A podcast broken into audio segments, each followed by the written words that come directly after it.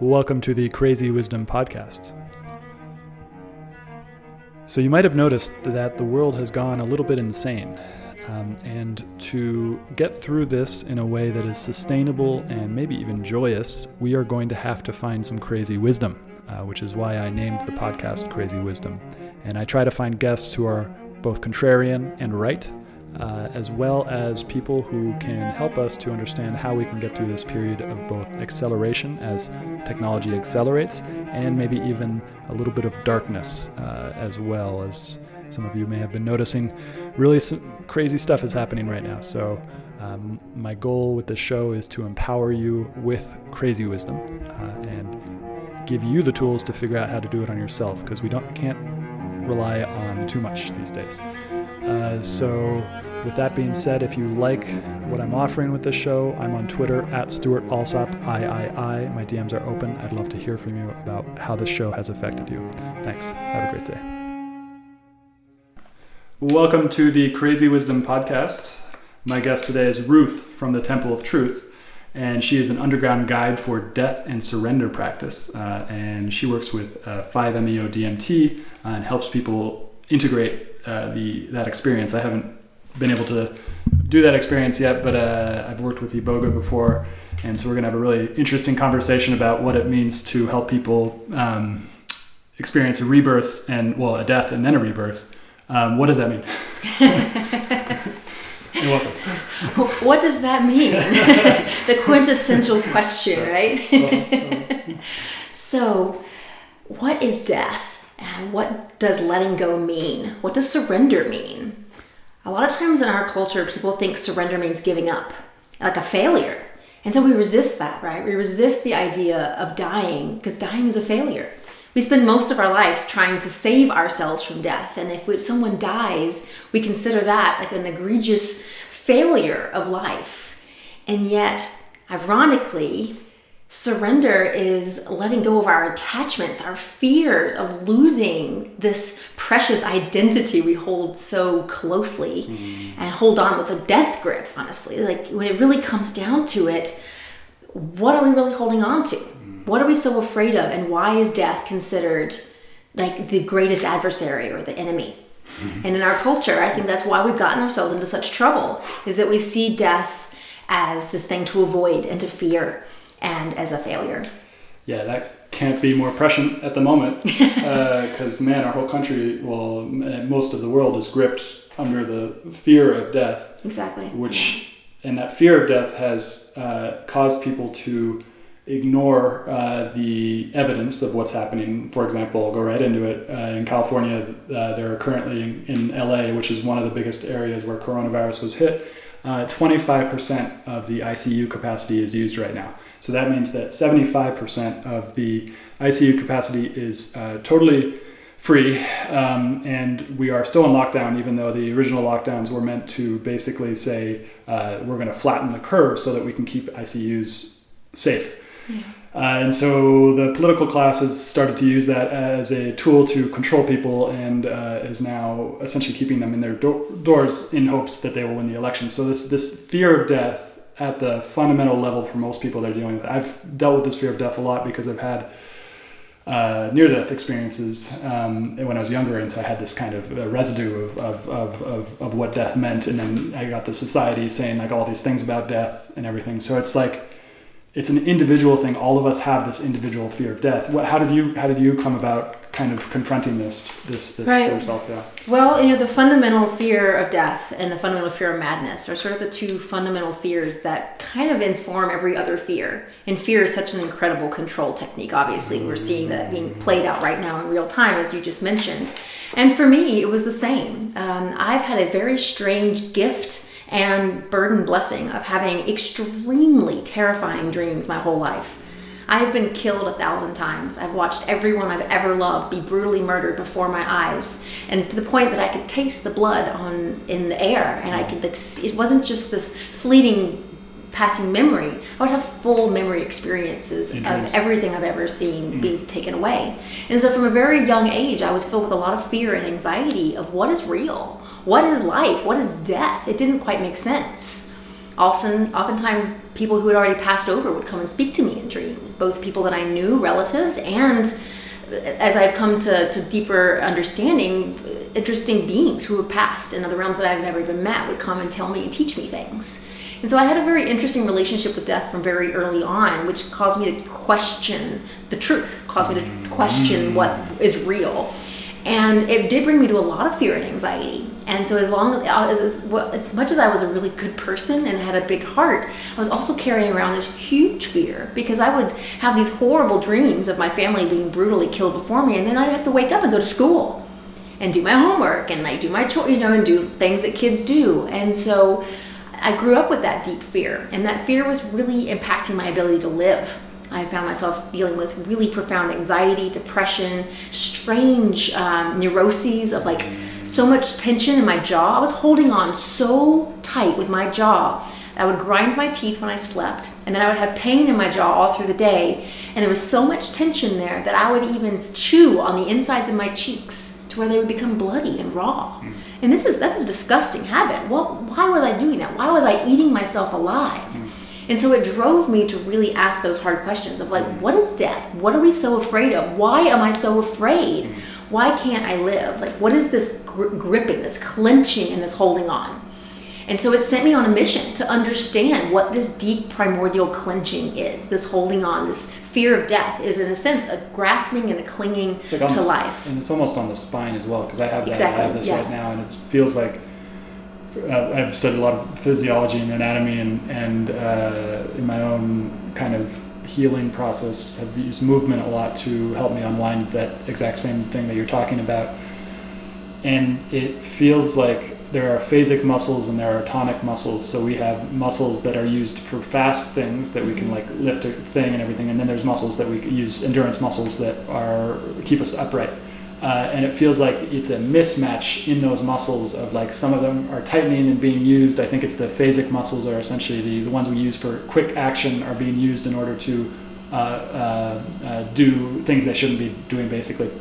But then I go, I mean, there's a, I'm not saying that's the cause of it, but that's the reflection of, of what's happening. It seems like like it's really directly related to the spine, which makes sense because the spine has uh, that's where the endurance muscles are and stuff like that. So in the multifidi and the, the core muscles, the, the transversus abdominis, the internal mm-hmm. obliques, the pelvic floor, and the multifidi.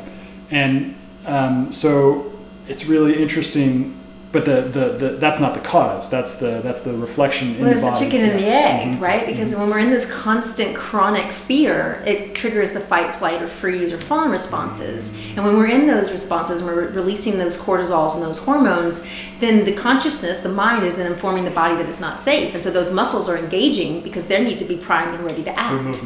and they're in fatigue because yeah. they're engaged all the time and so in our culture now, where we don't necessarily have saber-toothed tigers chasing us down the, the valleys, but we still have this this chronic and constant anxieties and tensions, how can we merge and come back into balance between our muscles, our hormones, and our consciousness?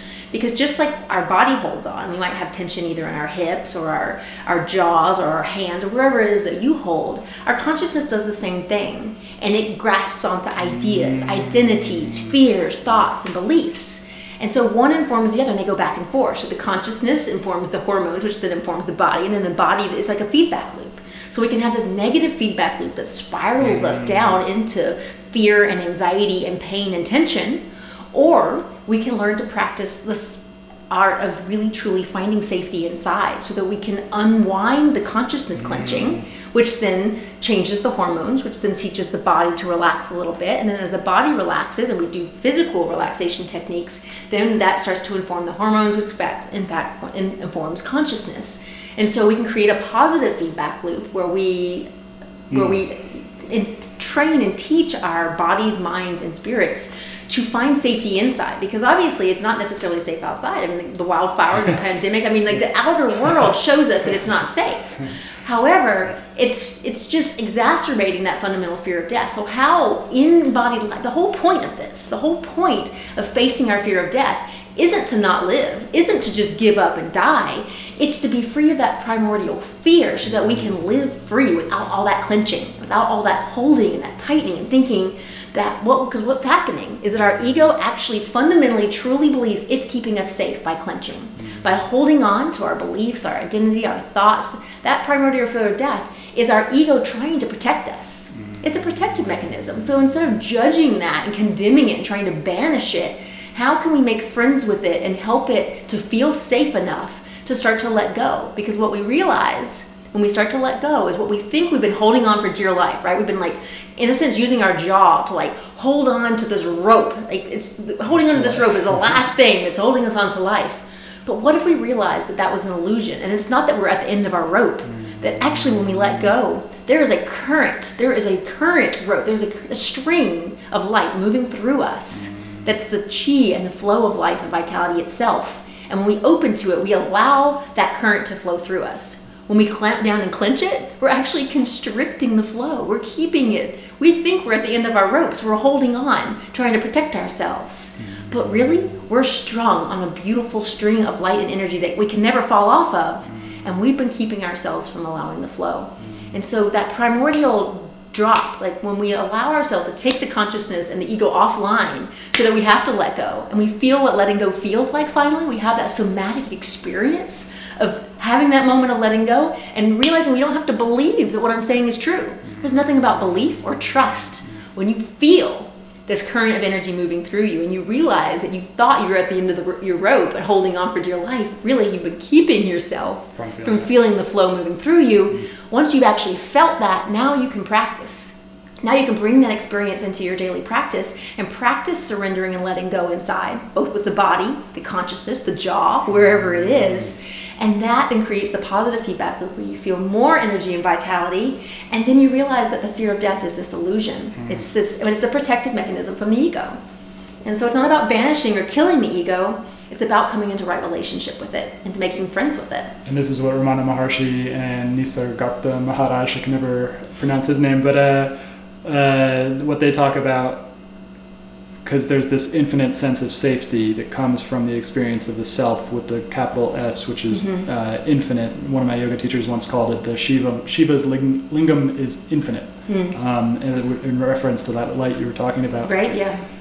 And so, sense of self, but not the sense of self, which is like the sense of the self that's speaking right, right, now. The yeah, the, the it's the it's the and that thing is totally safe because it's free from death because it was before it was alive it was in existence before I before the memories and the ego showed up for me and I imagine that it'll or it feels as if it's continuous and doesn't doesn't stop um, mm-hmm. and uh, and so there's an infinite sense of safety there which is so strange because it was like my whole life I've felt unsafe until mm-hmm. I started doing these things and yeah. now all of a sudden I'm, I feel like totally safe even though there's you know there, we we had to leave our house a week ago because or a month ago because of fires yeah. and uh, you know pandemic it's like none of it scares me anymore um, I mean because it scares your perspective the, is yeah, deeper right yeah, your, your, your mm-hmm. perspective is broader you're not in this little tiny self in the tiny form you realize that we're each an infinite facet of source each one of us like if you say source or God or whatever it is you want to call it mm-hmm. each one of us is God embodied into this form to experience existence. Like so each one of us is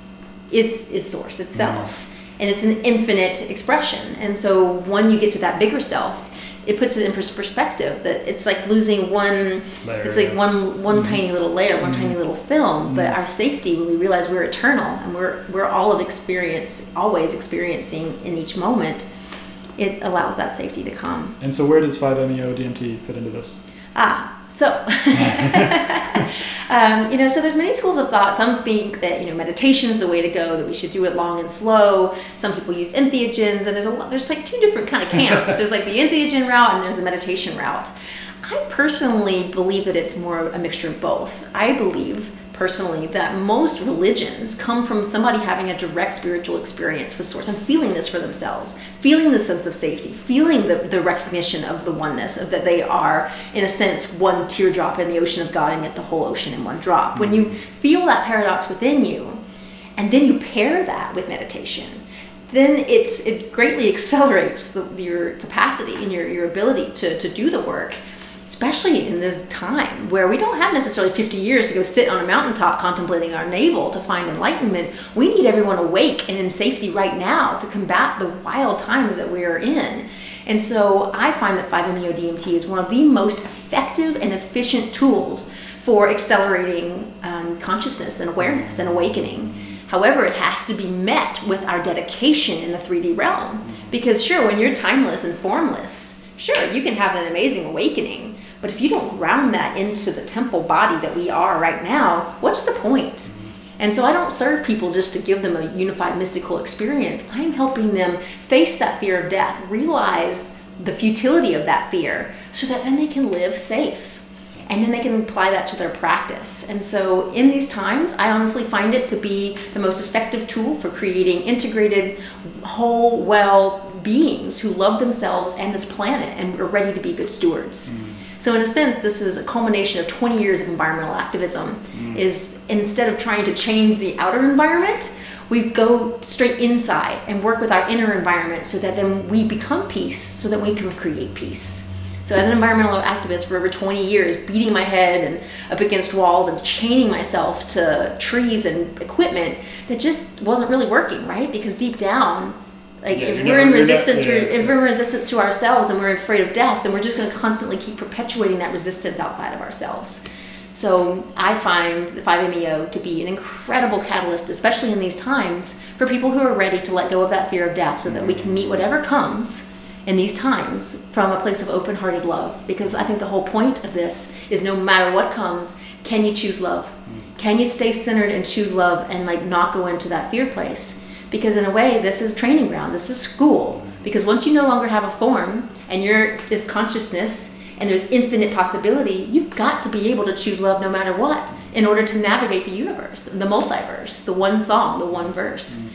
and so i believe in 5meo to be an incredible tool right now in this time and space to help people who are ready to do that work to accelerate the work. But it's not going to do the work for you. Mm-hmm. if you do this work and you don't have a daily practice you're not going to be able to hold this vibration you're going to slip back in and you might even contract further. Your ego might get a stronger hold because it's like oh i don't want to lose control again that was scary. That's great. Or that no, was so scary or right? this was great i'm in infinite bliss. I want oh, yeah. that all the time i want that all the forget, time right? and now yeah, we're trying yeah. to distract and escape.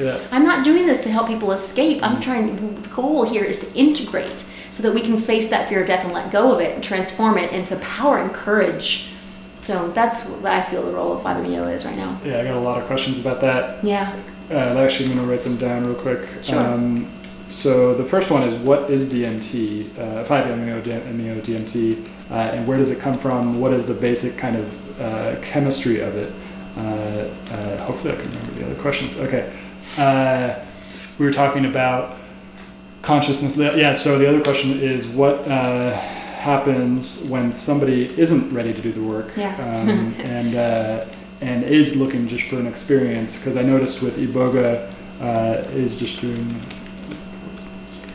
Uh, I noticed with Iboga that um, Iboga is very well known in the drug addict community um, because uh, it is effective, very very mm-hmm. effective, and yeah. everybody who takes it, including myself, is just like whoa, whoa, like, yeah, that, that that is didn't know what just happened there. Um, and uh, and so and that it works, and that it's like at like six months later, my life is like so so totally different from my life six months ago, and and so the only people who know about it are drug addicts, and drug addicts happen to have a lot of shit going on, mm. um, uh, to be frank, and so.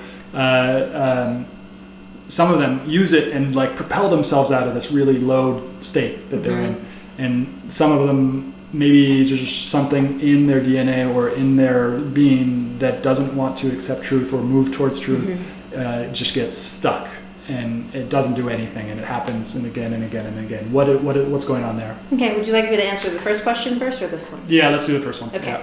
So, uh, 5-MeO-DMT is short for 5-methoxydimethyltryptamine. And so it is a entheogen in the tryptamine class. So it is related to N,N-DMT, psilocybin, ayahuasca. If you are interested in the chemistry of that, um, you know, there's plenty of um, sources online that you can find where psilocybin is an N,N-DMT with a phosphorus cross. N,N-DMT is a, a, a tryptamine with a small tail off of it.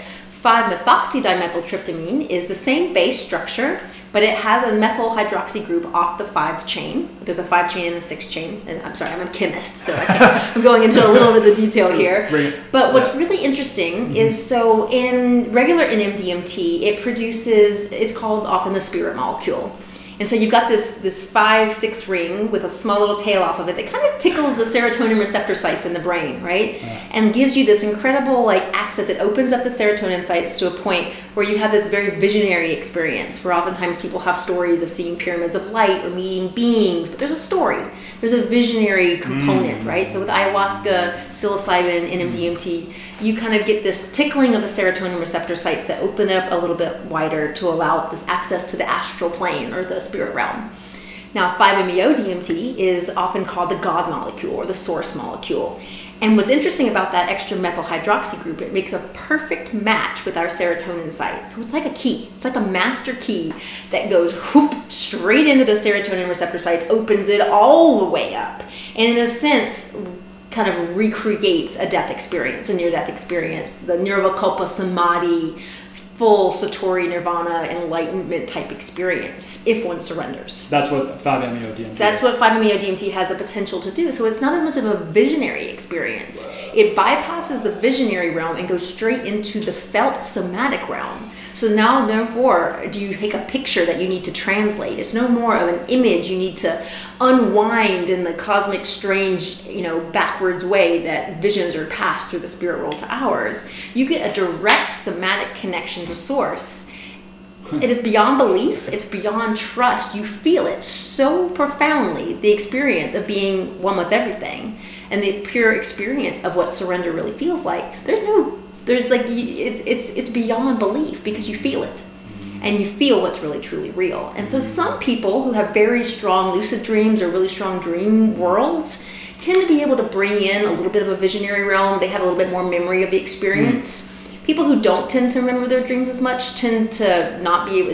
They can describe it as very ineffable, indescribable, mm-hmm. because of my. I think potentially because of my long-standing relationship with lucid dreams and very very vivid dream landscape. I have a strange ability to remember a large part of my experience, which I think allows me to serve others, is because I, I am able to integrate that more into the 3D realm and so create either stories, verses, songs, and spoken word that kind of helps bridge those worlds.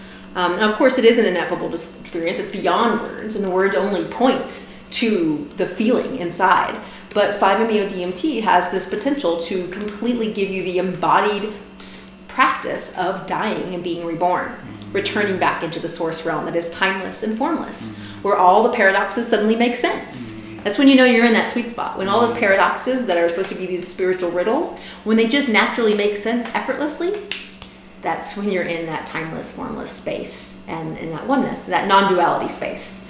And that's what I'm reading right now with Ramana Maharshi's book, Mm-hmm. uh, the Inquiry, How to Do Non Non-Inquiry. It's full of paradoxes all the time. Mm. Just like, uh, and my mind is trying to wrap myself around them. And every once in a while it hits where it's like all of a sudden it's like, oh, that's what it means. Mm. Um, and I feel it and I feel great. Um, and so let's go into the other question. Sure. Um, so this is a related question. Oh, actually, but Uh-huh, you, yeah, the one thing that you missed, you asked me where it comes from. Yeah, yeah, yeah, Yeah, so yeah. That, that's an important piece. So um, the, the compound 5-MeO-DMT, or you know 5-methoxydimethyltryptamine, comes from various sources from different plants and animals throughout different cultures. Um, there's some grasses that it's often found in. There's some snuffs from the Amazon. It's very commonly found in the Bufo alvarius toad from the Sonoran Desert. And however, um, because of the nature of this become rising in popularity, these toads are not being very well treated.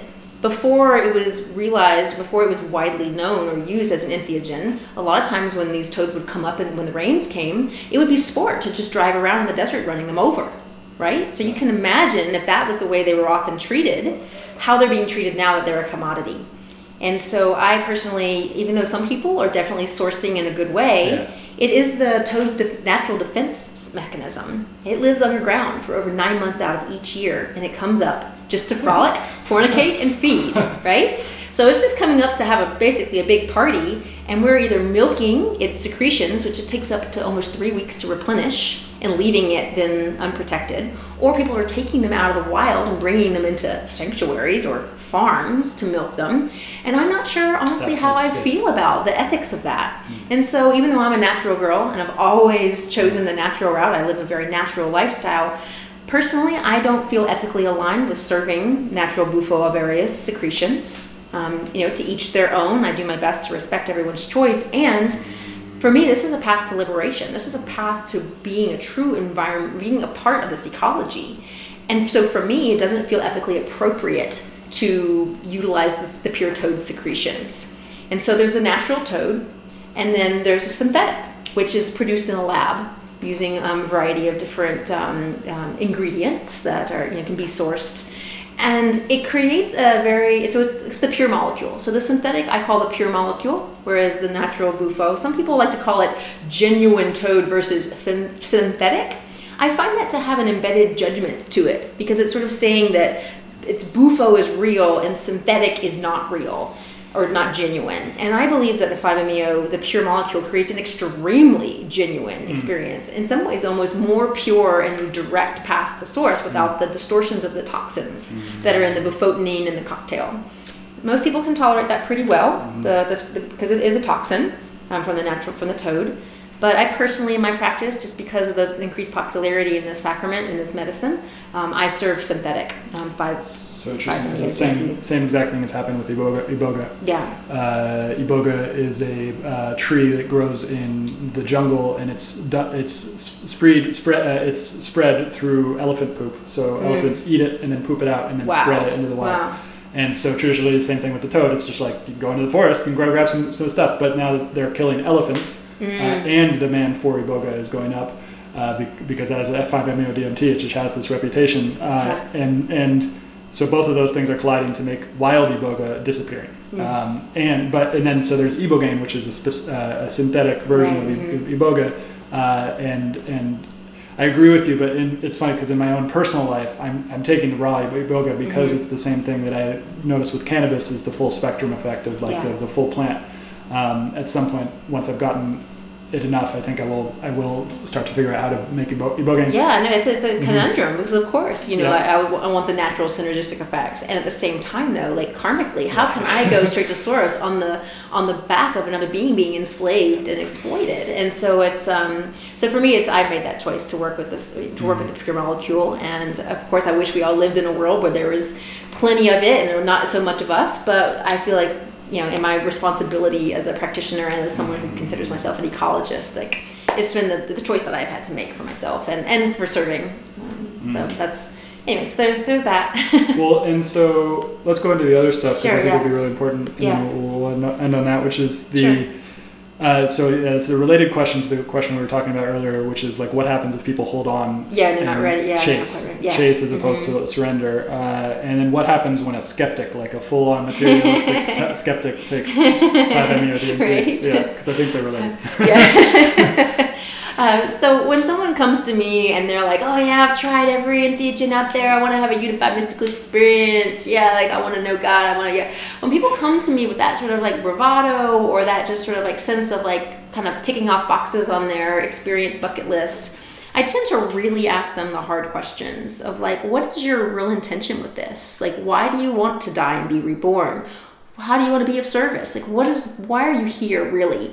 Because when people are coming from those more ego driven like how many how many different how many badges can i have on my merit badge list? Those people tend to get extremely humbled by the actual act of having to give up everything and die and reborn. Because we're talking about if you want to go into the oneness you can't take anything behind right? Imagine Imagine like some ascended master shows up at your doorstep and knocks on the door and says, Hey, you want to come on a journey with me? And you're like, Sure, let me grab my bag. And you go grab a backpack with your money and your cards and some food and some clothes. And he's like, Oh, no, you, no, no, no bag. Leave the bag. And so you drop your bag and you're like, Am I really going to go with him? Right? And then, and then you try to walk out the door and he's like, No, no, no, no, no, you can't take your clothes.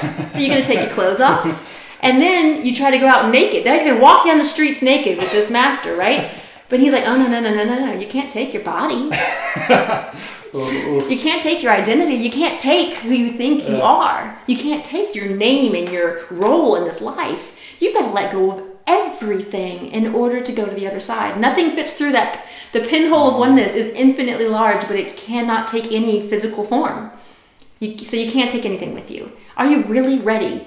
Are you prepared to absolutely let go of everything? Because if you're not, if you're going to hold on, it can be extremely distressing and painful, and it can also be exquisite. I mm. consider, I consider this practice excruciating ecstasy. in a way because it is non-duality is that. It's both. It's heaven and hell.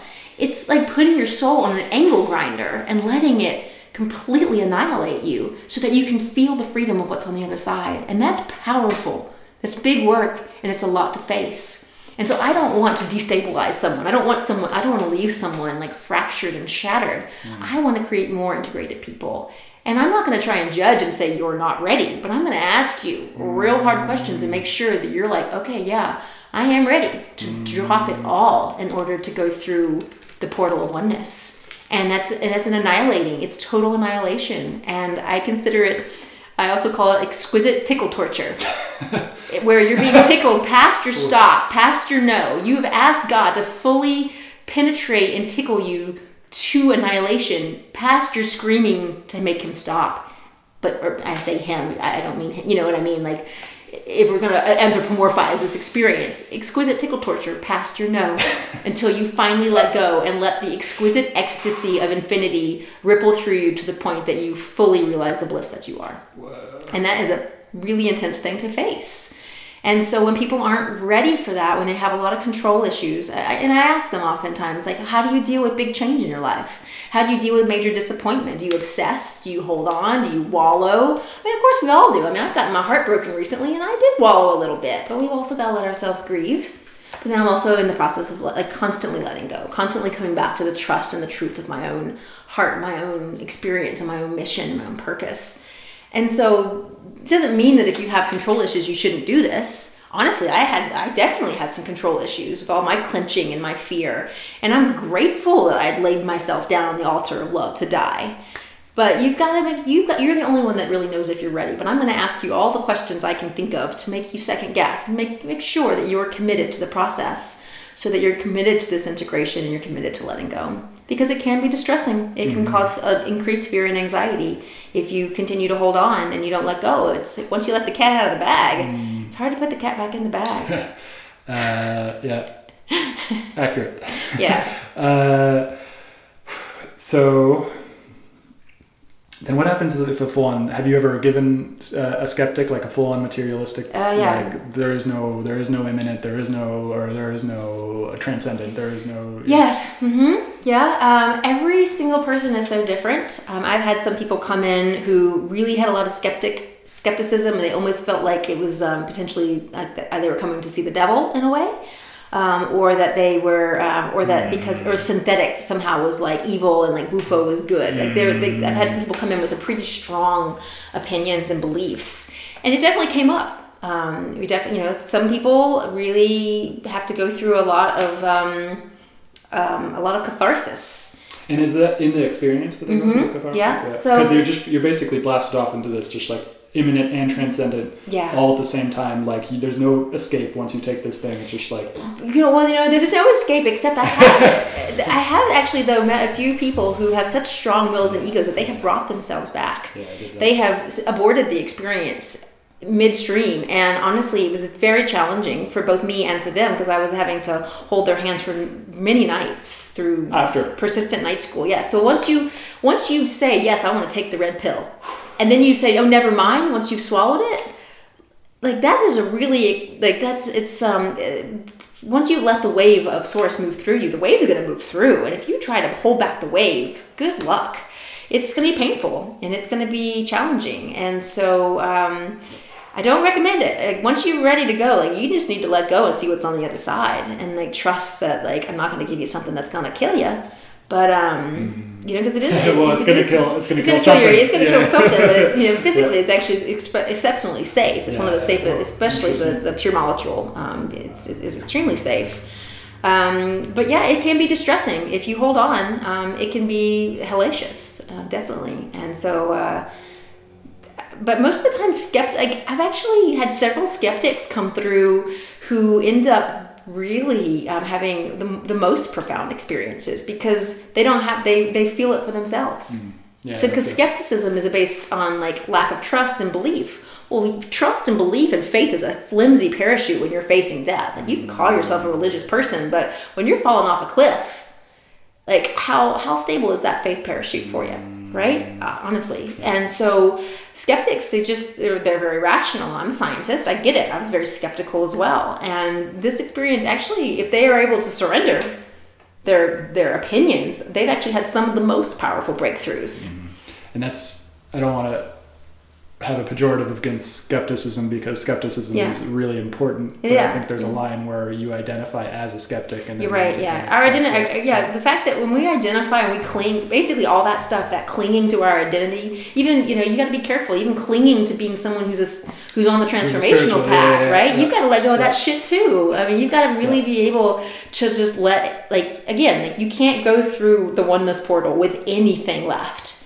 You know, and so are you ready to even drop that? To Mm-hmm. But drop then- that you're some healer or some leader and or some like you know guru can you let all that go to to get to the other side to really truly feel from a pure whole heart what you're what you are here to do like what is what is your service? How how can you live from a place of such love and compassion that you are just compelled to live a life of service? Not from a place of earning love or earning forgiveness or being respected or appreciated or admired but truly from the pure pure mm. love of sharing love. Mm. Because that's what it's mm. all about. And that's what the sacrament has the potential is to bring you in to what pure unconditional love and pure awareness can feel like and that's why i offer it is um, to get us into the heart of the matter And so and so you uh, you you drop it, but then it comes back because the ego, ego comes back though. right well it comes back but oftentimes you know like if you have a computer and it's like glitching out the programs are running funny like what do you do Turn it off. you turn it off.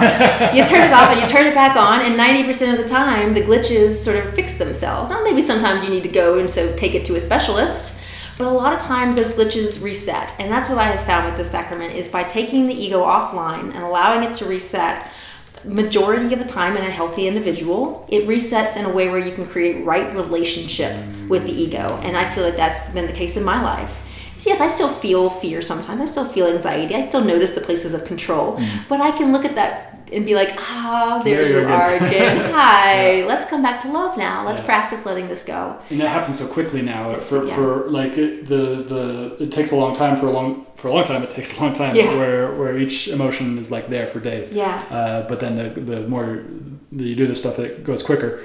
Uh, which but and that and that got me to a question because there's a um, psychologist Jordan Peterson who talks about you need five to ten years to grieve over the loss of a life a loved one or something like that. It takes ten years, and I mean it makes sense like because for a lot of people who haven't done it, probably would take ten years.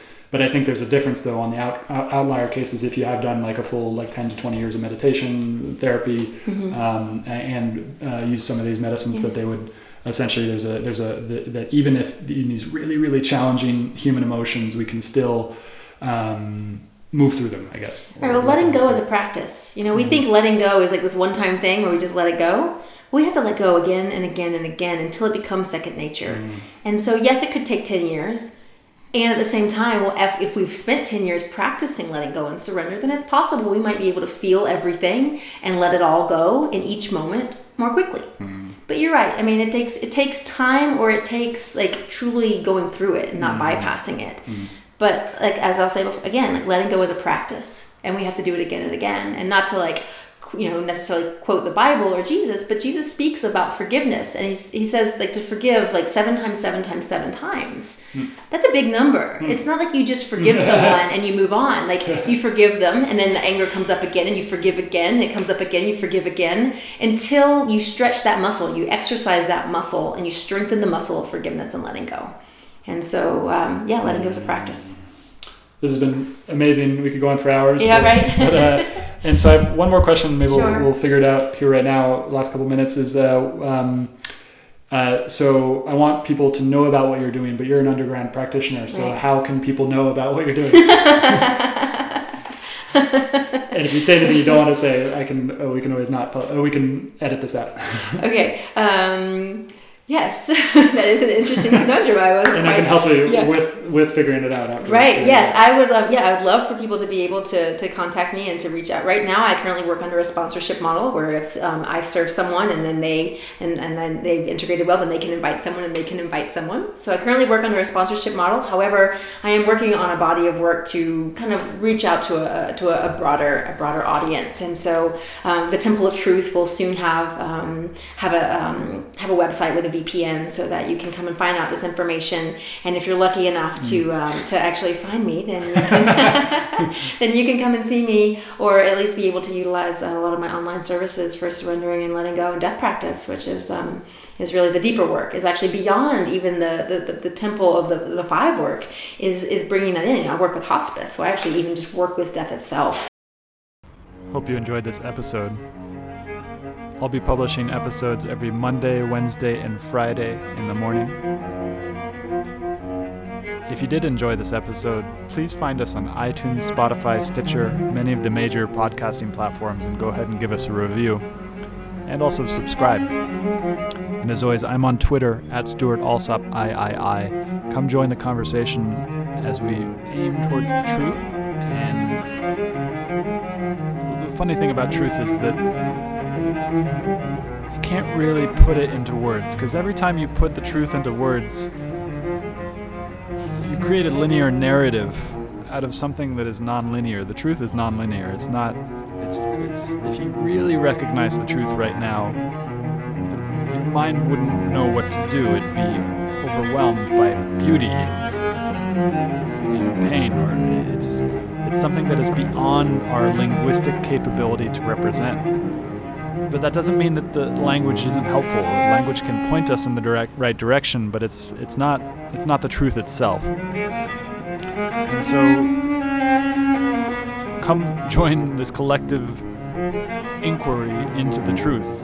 Find me on Twitter at Stewart Alsop III. Uh, subscribe to the podcast. Share the podcast with your friends. Uh, most people don't have the ability to let go of this linguistic understanding of the way that the world works and just aim for the truth, regardless of what the language tells us. Uh, and so I think what I'm doing with this the show is is necessary for us because as we enter this stage of uncertainty, uh, and we are most definitely entering an age of uncertainty, and as we do, it's really really important that we stop paying attention to what the mind is telling us doesn't mean to say that the mind doesn't have its place. The mind obviously has its place, but it's just one of the senses. It's just one of the tools that we can use. We can use the mind, we can use the feelings, we can use our actual senses.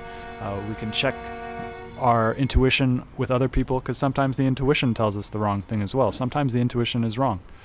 So it, we can't we can't rely on any one tool to get us there. So come join the show. Find us on iTunes. Find us on Twitter at Stewart Alsop III, uh, and come join the, this inquiry for truth.